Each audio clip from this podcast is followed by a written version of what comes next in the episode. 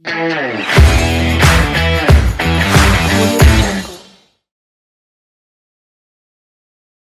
sahabat-sahabat aku yang ada di rumah, balik lagi bareng aku Listia dalam acara Bincang-Bincang Manja, apalagi kalau bukan FBS Bercerita.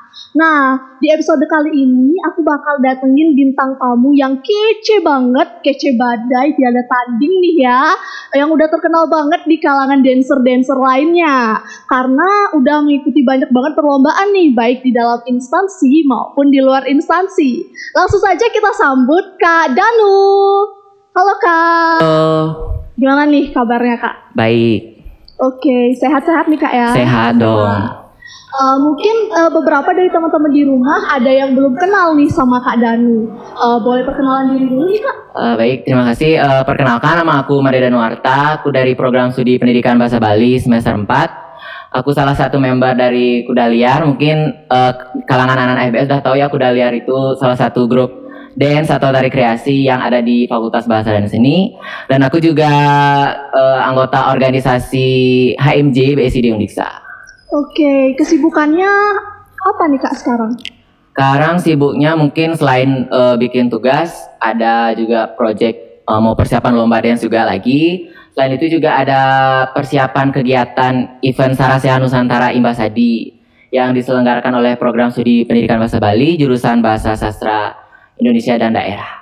Oke, sempat mention juga tentang kuda liar nih. Eh, kuda liar itu bukannya yang waktu ini baru aja menangin eh, juara tiga di Fiat Majaya itu kan? Ya, yang juara tiga Oh, kemarin. Ya, Kak, ya. ya terima kasih. Eh, ngomongin soal eh, tim dance kuda liar ini Mhm. sebenarnya tim dance eh, modern kental atau ada unsur tradisionalnya nih kak? Oh, kalau ngomongin tentang unsur-unsur eh, dance yang diikutin kuda liar itu tergantung ya. Kalau misalnya ada event modern dance, kita bisa ikut yang modern dance. Mungkin kalau ada event tari kreasi, kita bisa ikut tari kreasi. Kalau ada event K-pop, kita juga bisa ikut K-pop. Jadi tergantung apa lombanya gitu. Hmm, juga K-pop jadi Iya. tradisional atau Iya. Oh, berarti campur-campur gitu kak ya Iya. tergantung event yang mau diikutin. Eh, kalau boleh tahu eh, sejarah dari grup kuda liar ini gimana sih, kak? Gimana kok bisa kebentuk? Terus eh, siapa nih duluan yang eh, ngajak-ngajak anggotanya untuk gabung di dalam grup? Eh, sejarah kuda liar tuh udah lama ya. eh, mungkin dari dibentuk dari grup-grup tari kreasi Dias Natalis. Mungkin sebelum-sebelumnya itu udah ada, tapi namanya belum kuda liar. Semenjak ada salah satu eh, senior di kuda liar yaitu Kak Rizal. Semenjak dia masuk tuh kan penari-penari di kuda liar tuh powernya itu harus kayak Kak Rizal gitu. loh. Kak Rizal tuh sedangkan Kak Rizal tuh powernya tuh kan up banget kayak kuda lah bisa dibilang ya. Oke. Jadi penari-penari eh, cewek ataupun cowok tuh powernya harus di up sama kayak Kak Rizal. Terus disebut power kuda itu dikasih nama sama salah satu pelatih kuda liar juga karena power kita itu udah kayak kuda makanya kita dibilang kuda liar gitu. Dari sana asal usulnya gitu nama kuda Oh, liar. jadi eh, itu kenapa dikasih nama kuda liar? Soalnya awalnya kayak oh, kuda liar mungkin ada filosofi ya Iya. di balik eh, nama kuda liar ini. Jadi eh, harus powerful kayak Iya, iya. harus liar dan Heeh. Em, untuk Kak Danu sendiri eh, prestasi apa nih yang eh, udah sempat diraih selain yang ada di kuda liar? Untuk prestasi eh, di non kebanyakan di non akademik ya. Dulu pernah dapat medali perunggu di eh, Bali di Karangasem Open Dance Sport dapat medali perunggu kebetulan mewakili Kabupaten Buleleng. Terus pernah juga juara dua s- eh, cover K-pop cover dance kategori solo. Eh, sebelumnya juga tahun 2000 berapa ya? Tahun 2017 sempat juara tiga juara dua di AKM tahun 2017 lomba modern dance. Di 2019 juga dapat juara dua juga di AKM.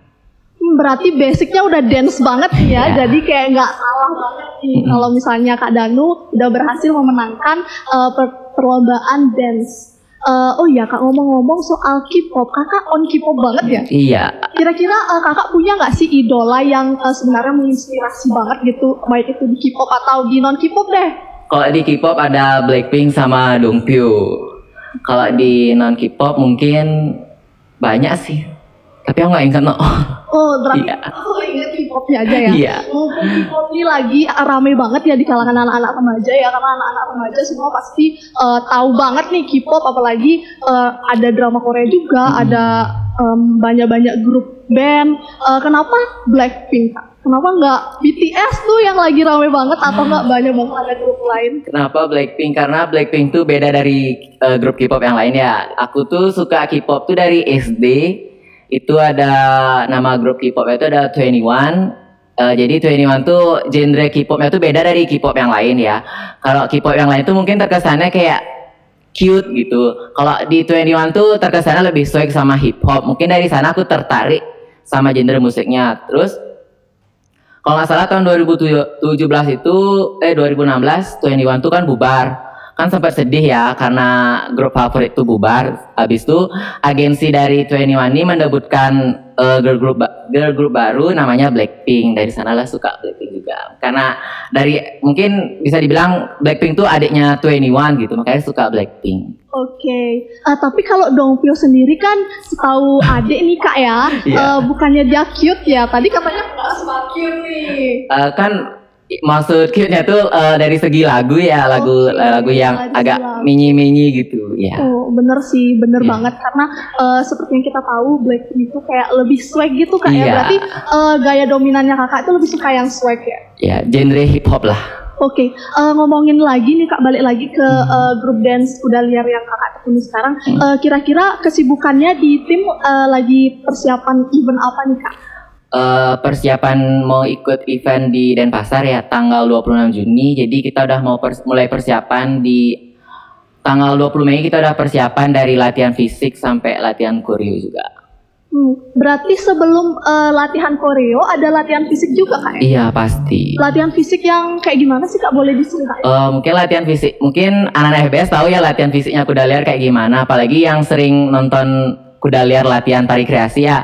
Jadi latihan fisik dari kuda liar itu yang paling eh, yang paling apa ya, yang paling gampang, yang paling gampang dan paling enak tuh kan cuma lari keliling wantilan ya lima kali. Itu pun paling ringan dikasih sama Kak Rizal ya, karena Kak Rizal sama Kak Tosa itu ngelatih kita tuh secara tegas. Jadi Terus karena mungkin selama latihan tari kreasi itu kita agak powernya agak kurang dilihat sama Kak Tosa. Jadi latihan fisiknya kita ditambah keliling FBS di luar jalanan ini sebanyak 3 sampai 5 kali.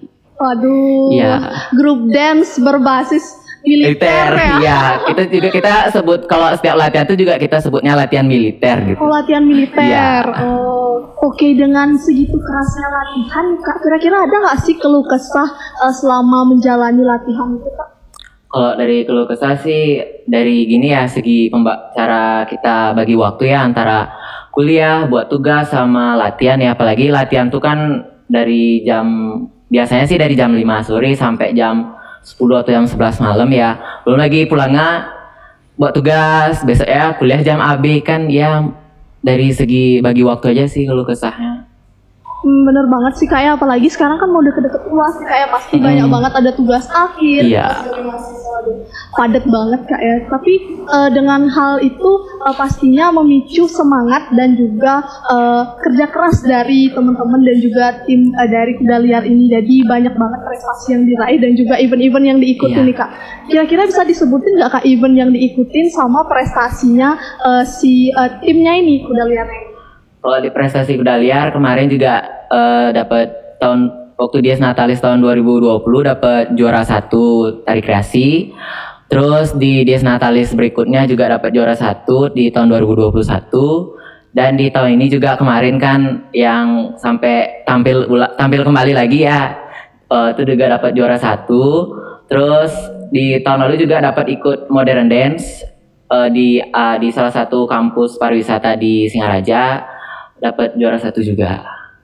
Wah, semua ya juara satunya disabet Iya. ya, nggak bisa juara dua, tiga, satu pokoknya. Em, eh, di antara semua yang udah disebutin tadi dan event-event yang udah disebutin tadi nih kak ya, Mm. eh, kira-kira event yang paling berkesan tuh yang mana sih kak?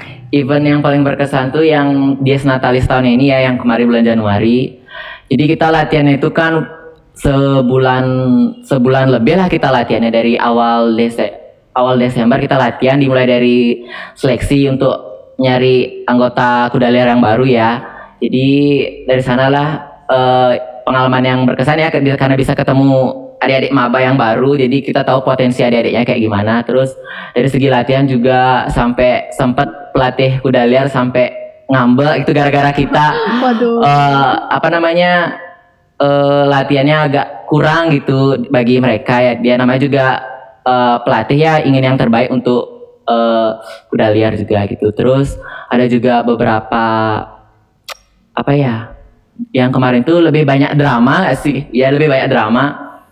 Mungkin ada orang yang bikin ulah ya sama kuda liar gitu. Jadinya eh, kuda liar hampir emosi gitu sedikit emosi saat eh, setiap latihan di kampus gitu mungkin eh, tapi nama juga manusia ya kita maafin aja lah gitu.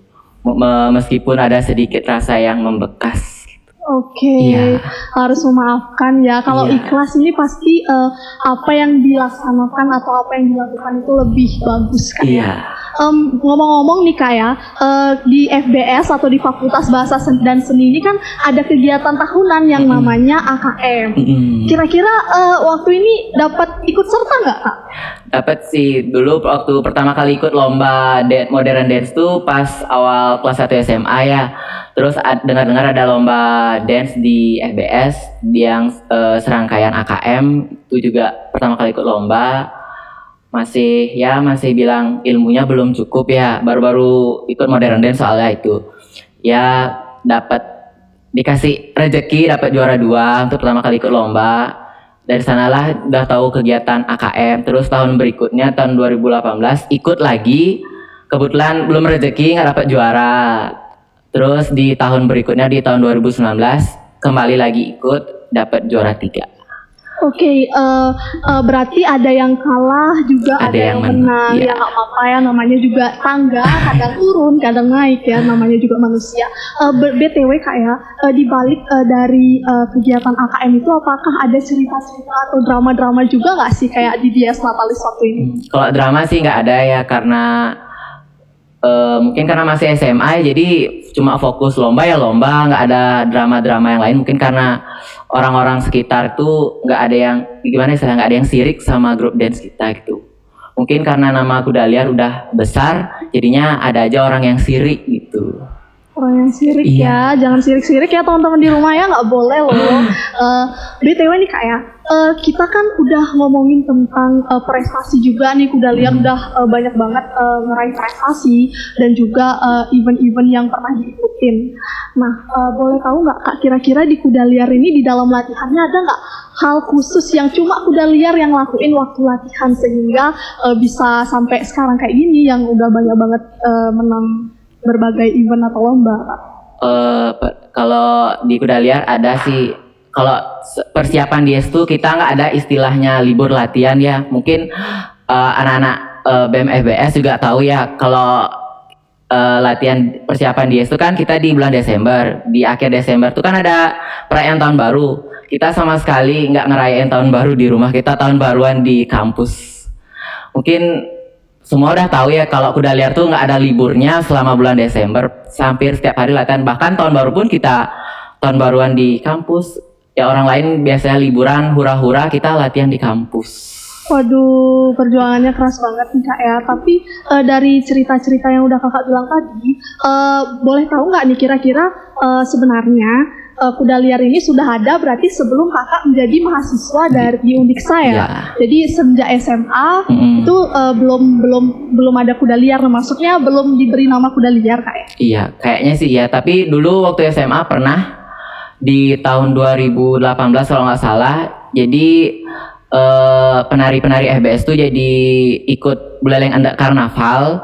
Dari sana juga dari dulu kan Danu masih aku masih eh, masih jadi siswa SMA 4 SM, masih SMA. Jadi kebetulan dimintain untuk jadi official eh, anak-anak eh, penari-penari FBS. Dari sana juga kenal kakak-kakak kuda liarnya gitu. Jadi sebelum masuk FBS udah tahu itu udah tahu ada kuda liar gitu. Dari sana juga termotivasi pengen ikut kuda liar. Oke, eh, sekarang eh, mau nanya mau ngulik-ngulik eh, soal kakak sendiri nih. Mm. Eh, kira-kira kakak eh, antara latihan dan juga kuliah dan juga uh, berorganisasi ini kan ada padat-padat banget nih apalagi eh, sekarang kalau nggak salah dapat bilang ada acara sarasehan dan juga sekarang juga ada banyak banget tugas akhir dan juga Iya. mau nyiapin event buat kuda liar nih. Apa sih tipsnya supaya bisa balance nih antara latihan, organisasi dan juga belajar nih, kak?